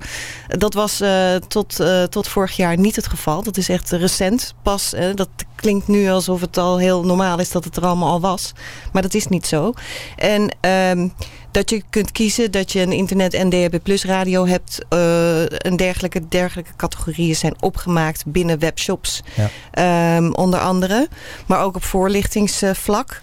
En um, ja, wat wij doen is we praten met de winkelketens. één op één. We geven soms presentaties, voorlichtingspresentaties van wat het is. Mhm. Mm -hmm. Om het uit te leggen, wat de voordelen ervan zijn. Um, aan de verkopers. Dus training, zeg maar. Uh, en daarnaast uh, werken we met, samen met een brancheorganisatie, zoals we zelf eigenlijk ook zijn als brancheorganisatie. En die werken ook weer met elkaar. En daar is dan ook weer een, uh, een leerprogramma in ontwikkeld. En dat werkt via een app. Uh, dus het is app, app learning. Uh, en dat Zodat is, uh, de winkelmedewerkers getraind worden daarin. Ja, ja. precies. Ik, ik, weet dat ze in Engeland heel erg druk bezig zijn met overal stickertjes, de tickmarks. Dus dat ja. de radio een sticker heeft van hey, deze is digital proof. Mm -hmm. Is dat iets wat in Nederland ook gaat komen? Nou, dat durf ik nog niet te zeggen. Wat we wel doen, we omarmen die tickmark wel. Maar dat komt, het is niet, inmiddels niet meer alleen een standaard voor, vanuit Digital Radio UK. Hè, dat is onze broer, zeg maar, in Engeland. Um, maar het is van World DAB een standaard geworden. Omdat we dan zeker weten... Noorwegen is bijvoorbeeld een land waar al... In, tegen december is alles over. Alle landelijke stations zijn niet meer op FM te ontvangen. En alleen nog op DAB en uh, andere digitale vormen. Mm -hmm. Wat ze daar geleerd hebben, is dat als radio's eigenlijk niet zo goed zijn... Uh, mensen dat niet zo prettig percipiëren natuurlijk. Dus je moet ergens een kwaliteitskenmerk of keurmerk hebben. En um, de tickmark die ooit ontwikkeld is door Digital Radio UK lijkt daar een heel goed handvat voor. Ja. Dus wij omarmen het wel. Mm -hmm. Het is ook aan de norm, de ETSI-norm gekoppeld en dergelijke. Maar wij gebruiken het zelf nu nog niet in onze marketingactiviteiten. Met name ook omdat wij nog bezig zijn met het voorlichten wat het überhaupt is. De, He, op het moment winkels, dat, ja. dat je die naamsbekendheid en bekendheid hebt met de technologie... dan kun je altijd verder gaan om, uh, om daar verder op in te zoomen. Uh, wat we wel doen, is we spreken wel met de fabrikanten... En geven aan uh, dat wij het hen adviseren om de tickmark controlechecks te doen. Ja. Zodat, uh, zodat de apparatuur die er op de markt komt in Nederland, dat het goed is. Precies, ja. ja. Je noemde net Noorwegen al eventjes. We gaan even naar een fragmentje. Norway has become the first country in the world to shut down its FM radio network. The country will soon complete the switch to a vastly cheaper and more reliable digital radio known as DAB. The change is inevitable, and Norway's made history by being the first country to adopt it. But as usual, not everyone is excited about stepping boldly into the future. Hører du dette, hører du på FM. Onsdag 11. januar klokka 11.11 slutter NRK å sende på FM i Nordland. For å fortsette å høre på våre kanaler, må du gjøre det via DAB+, nettradio eller TV. Ja, dat was een melding op de Noorse radio in januari... dat toen het eerste deel ja, af, af, uh, afgeschakeld zou worden. Daar ben je ook bij geweest in Noorwegen ja. bij dat moment. Um, inmiddels zijn we verder in de tijd. En uh, recent is Oslo ook afgeschakeld. Een plek waar natuurlijk heel veel mensen wonen. Ja. Uh, Noorwegen is van natuurlijk dun bevolkt. wat zijn de, de lessen zover? En, en hoe gaat het in, met de afschakeling en omschakeling in Noorwegen? Um, we hebben net in uh, de IBC gehad, uh, ergens half september. Ja. Dat was ietsje later dan anders. En daar hebben we een update gekregen. Het leuke is dat ook in Noorwegen samengewerkt wordt middels Digital Radio Norway. Mhm. Dus hetzelfde als wat we hier hebben en in Engeland ook. Uh, tussen de publieke en de commerciële omroepen. He, is die samenwerking. Die twee mannen, de directeuren die die partijen representeren... die geven soms samen een uh, update. Ja. En dat is interessant, want in die update uh, vertellen ze wat ze tot dusver weten. En um, overal is het signaal, uh, of is het eigenlijk een positief verhaal. Ze hebben aan luisteraars zeg maar toegenomen en aan luistertijd ietsje ingeboet. Ja. En de extra keuze die er is in Noorwegen heeft uh, met name geresulteerd in een, uh, in een positieve reactie. Natuurlijk zijn er ook mensen die echt zoiets hebben van... joh, dit doe je toch niet, weet je. We hebben wat we hebben. Er zijn twee heel fanatieke tegenstanders... die ook in staat blijken om best wel vuil te spuien. Zeker niet terecht... Want er wordt heel hard gewerkt aan een goede voorlichting. En waar is, dit, waar is die kritiek, kritiek dan op gebaseerd? Wat, uh... Ja, dat het er gewoon niet hoeft te zijn, DHB. Ja. En dat, je, dat, dat uh, FM uh, volstaat en dat het niet nodig is. Ja, dat is een mening. En ja. dat mag een mening ook ja. zijn. Hè? Dus daar, daar mag ook een mens gewoon voor uitkomen. Het is wel zo dat de zenders er hier heel expliciet voor hebben gekozen. Omdat in Noorwegen, het is sowieso een heel andere netwerk structuur. Het land is een heel groot, lang gered lang land. De FM-zenders die zij hadden, die waren toe aan vervanging. En als je die kosten ziet, wat je daar, waar je daarvoor staat ten opzichte van het digitaliseren en daarin sneller gaan... Ja, hebben zij een keuze, keuze ja. gemaakt voor DHB+, ja. omdat het goedkoper is. En daarnaast hebben ze, eh, hebben ze elkaar weten te vinden, ondanks dat het concurrenten zijn. Eh, dat er dus veel meer zenderaanbod is gekomen. Zij hadden de vier of zes landelijke zenders. En dat zijn er nu 34 of nog meer. Ja. Dus, daar is echt wel hè, nog meer dan in Nederland. Want in Nederland zijn we best verwend met wat wij hebben. Eh, maar daar heb je echt direct heel veel voordeel ervan. En het gekke is ook, toen ik, en ik ben vaker daar eh, ter plaatse. Het probleem dat wij ervan maken, hier, dat het daar afgezet wordt, dat leeft daar veel minder. Want mensen hebben het gewoon al jaren. Ze gebruiken het ook al jaren. Waar wij begonnen zijn in september 2013, zijn zij al veel langer met DHB in aanraking geweest. Dus voor hen is het heel normaal dat het er is. Het is, ehm, het is wel zo dat het bestaande wagenpark een uitdaging biedt. Ja. Eh, ze hebben 4 miljoen eh, eh, auto's in de rond te rijden. Die zijn echt nog niet allemaal omgebouwd. Dus dat is wel een dingetje. Eh, waaruit ook gebleken is dat de, voor, de voorzieningen die je daarvoor moet treffen... eh, dat, die, dat, dat je daar heel zorgvuldig over moet nadenken. De markt goed moet bij betrekken. zodat de voorzieningen die er zijn ook technisch goed zijn. De antennes moeten goed zijn. En de, de, de kastjes moeten goed zijn. Je, je moet oplossingen hebben voor mensen die het absoluut niet willen zien. Mhm. Hè, gewoon toegevoegd willen hebben. Of dat je het als een parrot eh, bij wijze van spreken opbouwt in je auto. Eh, Dat het heel makkelijk te installeren is binnen een kwartiertje. Die zijn er ook. Dus alles daartussenin. Nou ja, dat ontwikkelt zich. En die prijzen die ontwikkelen zich daarin mee. Ja. Hè? Dus eigenlijk best mooie cijfers uit Noorwegen. Ja, ik, ik, heb wel een afspraak gemaakt Ja. eh, met hen eh, dat we volgend jaar echt een. eh, in, in ik denk dat we zo tweede helft van de. Van, zeg maar rond mei. hopen we echt een goede evaluatiecijfers te kunnen krijgen. Wat Ja. je tot dusver ziet. Is dat zij blij zijn. En ook de reclameinkomsten zijn niet teruggelopen. Dat was natuurlijk ook best wel Ja. spannende voor de stations zelf. Want je moet het ook allemaal bekostigen. Ja, ik denk dat je hetzelfde natuurlijk zag hier in Nederland bij de afschakeling van de AM 747, NPO Radio 5. Mhm. Ik ben daar zelf toen nou bij betrokken geweest bij dat communicatietraject. En eh, er was natuurlijk van tevoren altijd heel veel angst en Ja. eh, je hoort veel geluiden. En op een gegeven moment is die overschakeling gemaakt. Marktaandeel van NPO Radio 5 is, is nog Gestegen. gestegen. eh, dus uiteindelijk, het, het was een kwart wat luisterde toen nog via de AM. En dat, die, die kwart mensen zijn wel op Ja. andere manieren vervolgens gaan luisteren. Dus Nou, op dat- zich, als je zo'n afschakelmoment dus plant, Ja. helpt het dus heel erg in, je, in het in het Ja, eh, en ik denk dat, dat bij Radio 5 ze hebben echt eh, heel erg goed hun best gedaan. En ook de groep die graag luistert, heeft ook hun best gedaan. Ja. Die hebben er ook positief op gereageerd. Je kunt natuurlijk kwaad worden, Ja. maar dingen veranderen in het leven. Niks blijft wat het is. Eh, Zelfs eh, hè, dit moment is nu ook alweer voorbij. Ja. Dus eh, het- is normaal dat alles, alles digitaliseert. Ja. En dat, het, het hoeft eigenlijk helemaal niet zo'n big fuss te zijn dat, dat radio ook digitaliseert. Het is niet meer dan gewoon dat het digitaliseert.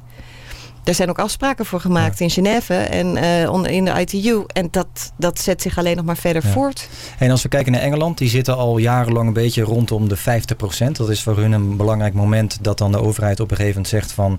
eh, het is tijd om, eh, om eh, de FM af te schakelen. Het aanbod daar op de...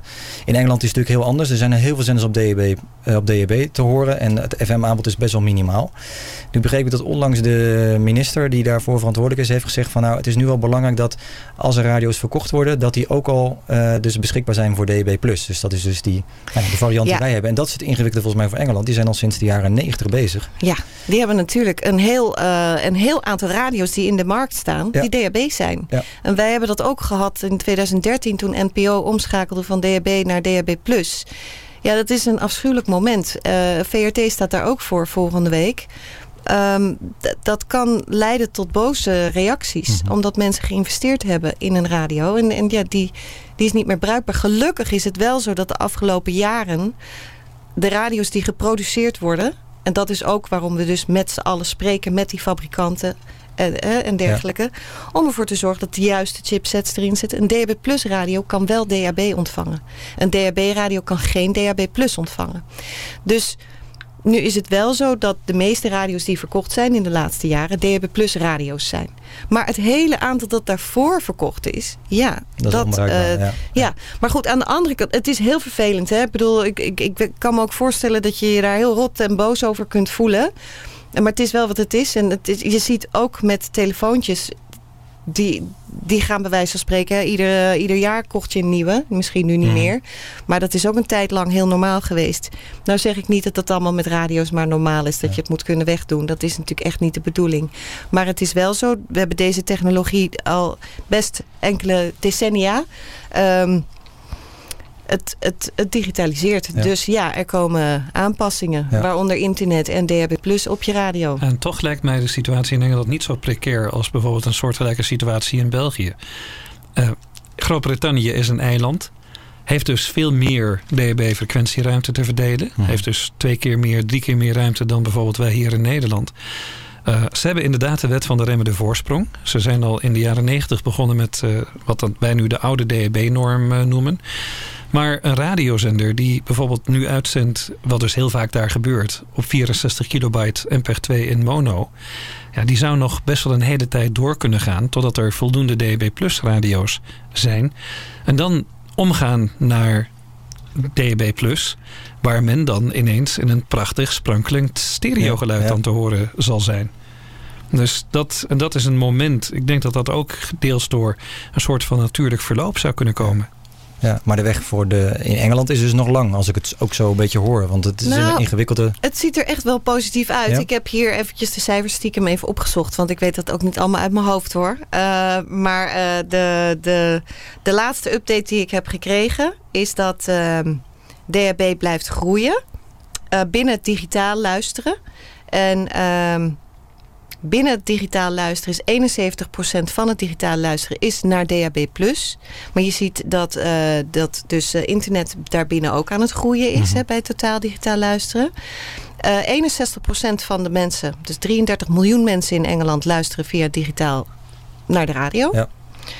Dus dat is best veel. En in-car listening is uh, 29,7% groei.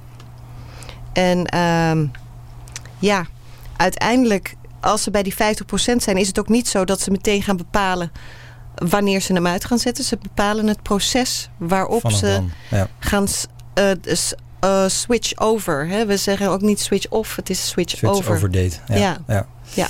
Interessant, we blijven Engeland eh, in de gaten houden. Uiteraard in januari Noorwegen gaan ook. trouwens in Engeland heel veel AM-zenders uit. Oh. Dus dan heb je het Radio 5-effect wat we hier Ja. in Nederland al gehad hebben. Dat ga je De dan daar- BBC zet in januari van dit jaar behoorlijk veel AM-zenders uit. En ja, die mensen zullen waarschijnlijk dan ook alleen maar die zenders kunnen ontvangen... Ja. als ze via eten willen blijven luisteren, via DB. Alexa, set timer for 30 seconds. 30 seconds starting now. Alexa, play my favorite playlist. Okay.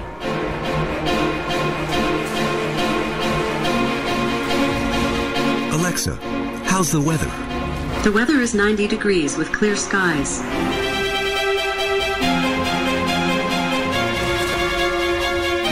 Alexa, order a salami pizza. Okay, it will be ready for pickup in 15 minutes. Alexa, open garage door. Okay.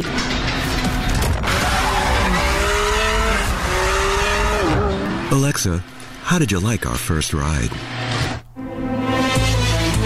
Nou, dat is een uh, promovideo van, uh, van BMW. Die hebben recent aangekondigd dat ze dus de Amazon Alexa, dus de spraakassistent van Amazon, gaan integreren in hun, uh, al hun nieuwe modellen.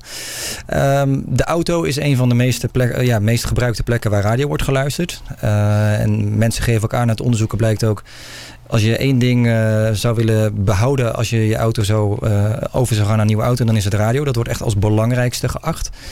Het de belangrijkste plek waar geluisterd wordt. Hoe zie je daarin de ontwikkelingen met het digitaal luisteren? Want je zei, je zei al terecht van we hebben contact met alle, ook op, op Europees niveau, met uh, in, in dus auto-industrie, overkoepelende bedrijven die dus ervoor zorgen en hopen dat ja, de, de merken een, een, een, een, een digitale chip installeren in de auto, maar niet ieder merk gaat daarin mee. Ja, nou, toevallig, het, is wel leuk, heel even een stukje terug in uh, 1920 was het bijna zover dat, uh, dat dus, uh, de autoradio het niet gered had. Omdat het te gevaarlijk was ja. om tegelijk te rijden en te luisteren naar iets. Uh, en aan een knopje te draaien. Nou, dat is toch wel gelukt. Dat is en, heel goed gelukt, ja. En het is op dit moment, zoals je terecht zegt, een must-have functie voor mensen. Ja. En um, nu zie je, zeg maar, als je kijkt naar de, naar de ontwikkelingen van 1920 tot nu, dan is het zeg maar tot, tot een jaar of vijf geleden ging het eigenlijk helemaal niet zo rap met die autoradio. Die was er gewoon. En ineens zie je de laatste paar jaar zie je die wijziging komen naar meer functies. Uh, connected. connected cars, dat die, ja. dat die slimmer, intelligenter Ja. wordt. Dat die, dat die bij wijze van spreken straks voor je gaat rijden. Wellicht. Hè? Dus eh, daar zijn allerlei ontwikkelingen in. En in Nederland hebben wij eh, een van de allergrootste chipfabrikanten, NXP, zitten. En zij bouwen de, de chips voor alle, automobiel, eh, voor alle automobielbedrijven. En NXP heeft daar veel meer verstand van dan ik. Eh, die zit ook in de stuurgroep World Mhm. DAB, hè, waar we alles afstemmen eh, tussen de landen. Zo, en waar alle verschillende stakeholders samenkomen om te overleggen van oké, wat, wat is eigenlijk de impact van wat hier gebeurt? En hoe zorg je ervoor dat de juiste chipsets, de juiste antennes in de auto's zitten? Ehm, en NXP heeft daar contacten over met die automobielindustrie op basis van input eh, en onderzoek en, en kennis en kunde vanuit al die verschillende hoeken. Vanuit de automobielindustrie, vanuit de broadcasters, eh, vanuit chipbouwers en dergelijke. Wat je zult zien is dat de afgelopen jaren ging het dus eigenlijk allemaal niet zo snel. Maar de aankomende jaren gaat het veel sneller. Hoe snel precies en wat er exact gaat gebeuren. En of je echt helemaal je ogen dicht doet en hem zelf gaat laten rijden. Of dat echt zo snel gaat, dat is vers 2. Maar de uitdaging is wel te zorgen dat radio vooraan in dat dashboard blijft. Hè? Je noemde het bij de introductie al even. Van hoe moeilijk of hoe makkelijk is die knop nog te vinden? Of gaan mensen hele andere dingen En doen? staat er nog wel radio of staat er gewoon entertainment en Ja. ben je dan een van de appjes? Ja, dat Ja. zou kunnen. Ja. Dat kan allemaal. Waar we dus als industrie, als radio-industrie voor zorgen... is dat eh, ook hier die broadcast backbone in die auto... omdat het belang voor mensen er is... eh, eh, geborgd wordt. Ja. Dus we zorgen ervoor dat die vooraan blijft. Maar dat, is natuurlijk, dat vergt wel inspanning. Ja. Dat, dat vergt commitment. Ja. Dat En je, hebt er bent. Ook, je hebt ook niet overal invloed op, want een Tesla, de nieuwe Tesla 3, daar hebben ze volgens mij besloten om helemaal geen Nee, het is heel lastig. FM-ontvangst of DB Plus ontvangst in toe te laten. Eh, dat, daar ben ik nu niet van op de hoogte. Dus dat, dat zou kunnen. De, de laatste Tesla die ik ken, daar, die, daar zit hij wel in. nog in, ja. Dus eh, dat zou Ja. kunnen, dat weet ik niet. Hoe kijk jij naar die ontwikkelingen, Herbert, op het eh, dashboard vanuit een zenderperspectief? Helemaal niet. Maar ehm, wat ik wel een probleem vind, is dat in treinen, want daar maak ik dan weer gebruik van. ehm, de oude treinen, met name de Vira, nou, er zaten zoveel gaten in dat je perfecte radioontvangst. Uh, maar ook eh, de oude treintoestellen, die doen het gewoon prima. Ik, ik, overal in Nederland ontvang ik gewoon de DAB-zenders. Maar er zijn ook nieuwe treinen. En dat komt met name door het glas. Die hebben dan uh, ja, hittewerend glas of zonwerend glas of weet ik veel wat. Maar die uh, hebben een demping van een uh, dB'tje of 15 of 20. En dat betekent dat het dus gewoon heel moeilijk wordt om ook FM-signalen ja. en Ja. ook DAB Plus signalen, maar ook FM-signalen, om die nog in de nieuwe treinen te ontvangen. Ja. De NS zou dat heel makkelijk kunnen oplossen door een klein antennetje bovenop zo'n trein te zetten en een klein antennetje in, ja, in de trein, in de coupé zelf. Ze hoeven er nog niet eens wat voor te gaan doen. Niet al te veel in ieder geval. Het zal wel wat kosten, maar er hoeven geen, allerlei, er geen apparaten worden aangeschaft of wat dan ook. Ze kunnen met vrij eenvoudige middelen kunnen ze zorgen dat er weer gewoon een goede radioontvangst in de trein uh, ja, gerealiseerd kan worden. 3G, 4G, dat lukt in een treincoupé meestal nog wel. Omdat er ook langs het spoor heel veel zendmasten staan. Die speciaal voor treinreizigers daar zijn neergezet. Maar um, ja, radioontvangst in de trein, dat, uh, dat, dat verdient wel een hoop verbetering. En daar zal ook de NS een rol in moeten spelen. En natuurlijk ook andere aanbieders. Want er zijn, niet, er zijn tegenwoordig meer aanbieders dan alleen de NS. En als je kijkt naar het, het digitale dashboard, waar je natuurlijk allemaal uh, veel al bedrijven installeren daar appjes voor. Als je kijkt in Amerika, dan worden de, de apps van iHeartRadio en CBS worden daar standaard voor geïnstalleerd. Samen met Spotify of TuneIn Radio. Dat is niet meer een app van je eigen station of van je eigen zender. Nee, dat is toch geen probleem.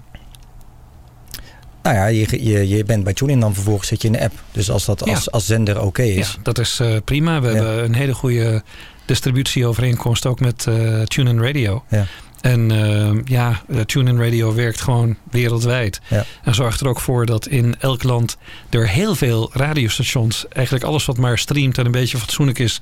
dat geeft TuneIn Radio door. Nou, ik zou zeggen, leven de concurrentie. Ik ben daar heel erg blij mee. Ja, ik, wil daar wel aan toevoegen dat ja. uh, vooralsnog in de aankomende jaren dit mm -hmm. niet de oplossing is in een auto.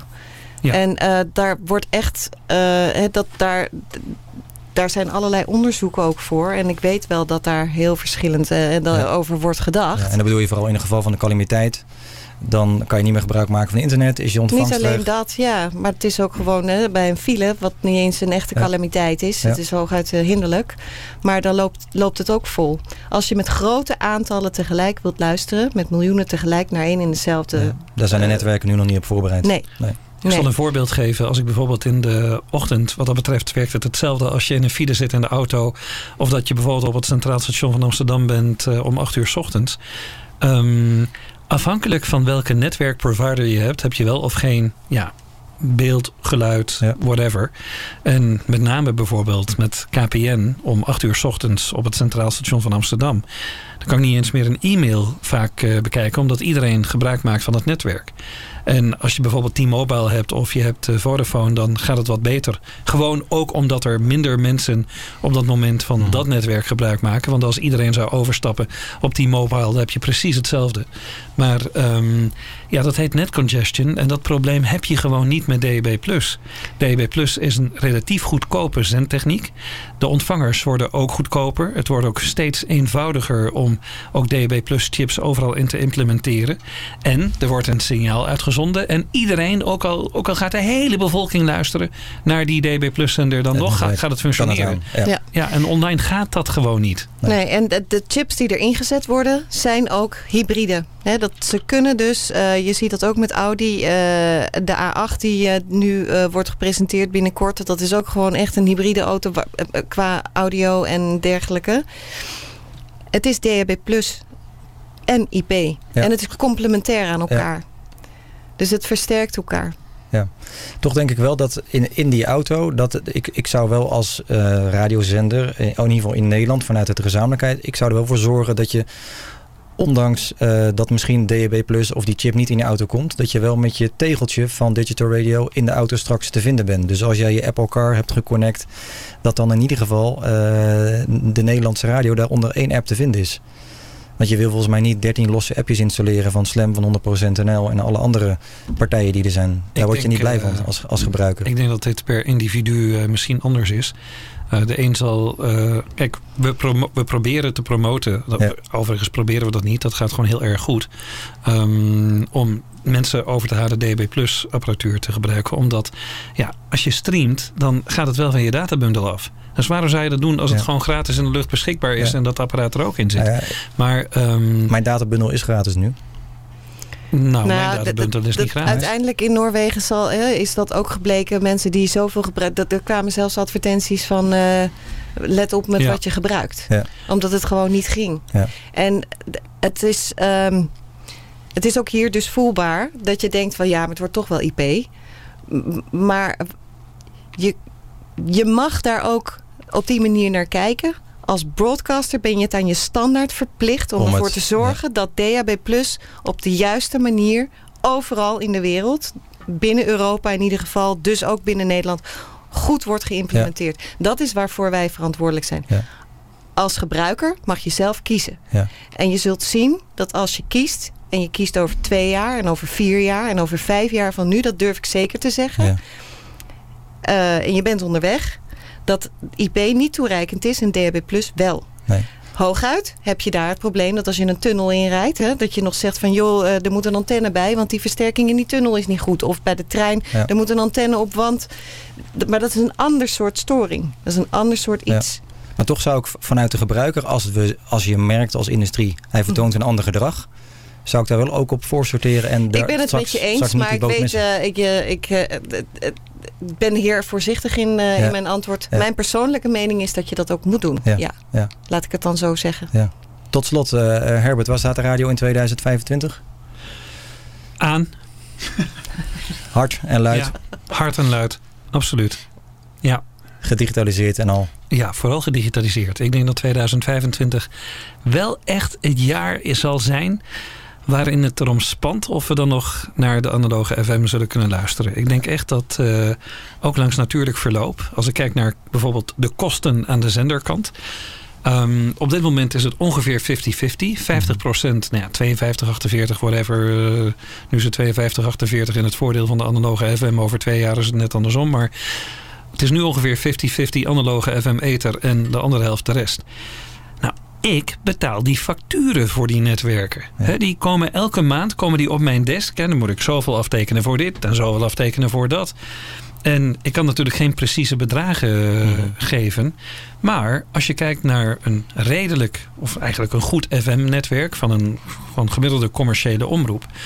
Ehm, eh, dan heb je daar ook uh, backup bij. Je hebt de aanvoerlijnen bij, audio-aanvoer. Je hebt een backup voor als er bijvoorbeeld een graafmachine ergens een glasvezel lostrekt, dan heb je ook weer backup via satelliet. Om te zorgen dat die signalen toch in de lucht blijven. Um, nou, ook aan de zenderkant heb je wat backup apparatuur en je moet ruimte huren in die torens. Ik denk dat een beetje radiozender rustig met alle kosten opgeteld bij elkaar voor enkel analoge FM-distributie, heb je nog geen seconde muziek uitgezonden of wat dan ook, toch zo'n anderhalf miljoen euro per jaar kwijt is. Nou, als je dan kijkt dat je daarmee de helft van je luisteraars bereikt, maar dat je voor minder dan 4 ton de andere helft van je luisteraars bereikt. Ja. Nou, en ja, die kosten van de FM die gaan niet naar beneden. Die zullen gewoon, zolang je dat aan laat mhm. staan, zodat, zal dat gewoon zo blijven. Nou, stel bijvoorbeeld over een jaar of vijf is het 25, 75. Dus om 25% van je luisteraars te bereiken, betaal je anderhalf miljoen euro om 75% van je luisteraars te bereiken, betaal je, nou, verdichting DAB Plus netwerk kost ook geld, meer mhm. IP kost ook geld. Maar dat zal dan nog altijd niet meer zijn dan een half miljoen euro. Dus je bent dan 2 miljoen euro kwijt voor je distributie per jaar, puur technische kosten mhm. om je signaal bij de mensen te krijgen. Nou, waarvan 25% anderhalf miljoen euro kost en 75% bereik een half miljoen euro kost. En jij zit op mijn stoel. Herbert, dat kan ik aan mezelf zeggen, maar ook aan jou. Wat zou jij dan doen?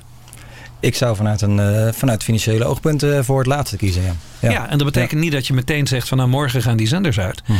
Maar niet alleen jij, maar ook al je concurrenten zitten in exact hetzelfde schuitje.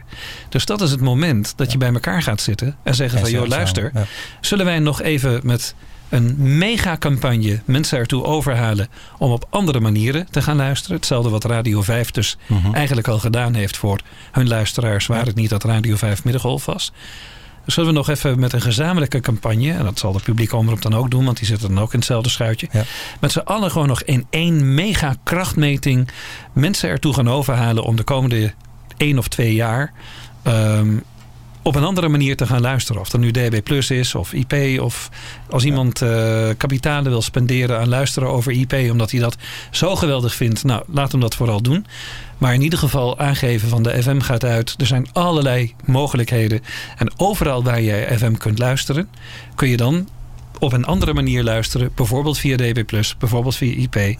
Maar het bereikt het nu al op meerdere manieren. Um, kun je gewoon luisteren naar de, op, naar de zender die je ja, die je wilt blijven beluisteren. Ja. Goed om deze context even, even te weten en te horen. Dank daarvoor. Uh, Jacqueline, tot slot aan jou. Waar staat de radio in 2025? Uh, eh, ja, ik kan me wel aansluiten eigenlijk bij wat Herbert zegt. Ik wil er alleen nog wel aan toevoegen dat voor ons land ook belangrijk is hoe het in Duitsland gaat. Uh, het is een grote markt voor hè, automobielen en, mhm. en überhaupt uh, digitalisering. Maar het leuke is dat uh, daar ook uh, DHB Plus sprongen aan het maken is en de totaal digitalisering. En het kwam al heel eventjes aan bod is ook in Engeland dat iedere radio die verkocht wordt digitaal moet kunnen ontvangen. In Duitsland is men daar een heel groot voorstander van en zou dat zelfs Europees wettelijk willen vastleggen als dat enigszins mogelijk is. Dus daar wordt ook aan gewerkt om te kijken van hoe kunnen we dit doen, hoe kunnen we daar naartoe mhm. streven met elkaar. En we werken daarom ook heel graag samen met, uh, met Duitsland uh, om, en, en de andere landen om ons heen om digitalisering van de radio tot een goed een, goed, een goede toekomst te brengen. Want daar gaat het om. Dat radio lekker uh, levendig blijft en uh, te beluisteren blijft. Want het is een verrukkelijk medium. Het is het mooiste wat er is, zeker. Dat vind ik eigenlijk ook wel, ja. Jacqueline Bierhorst ja. en Herbert Visser, dank voor jullie komst naar de studio. Thanks for having us, zeggen ze dan in Amerika. Dank je. Ja, en voor de, voor de uitleg. Het is een heel interessant onderwerp. Uh, blijf het zeker volgen. En het zal zeker nog een keer ook een vervolg krijgen in de podcast. Uh, dit was aflevering 7 van de Radio Podcast. De leader van de podcast is gemaakt door Joachim Karhoet. Altijd goed om even te zeggen, creatievelingen die daar aan meewerken. Heb je vragen, tips of opmerkingen? Stuur een berichtje via Twitter naar de Radiopodcast of mail herbert.deradiopodcast.nl. De volgende aflevering gaat over het radio, radiojaar 2017. Een korte terugblik zal erop volgen. En het gaat dan ook over de verjaardag van Radio 538, dat in december 25 jaar bestaat. Ik ga je dan over in gesprek met programmadirecteur Radio bij Talpa, Dave Minneboe. Voor nu bedankt voor het luisteren en uh, een groet vanuit de studio van Radio Coach.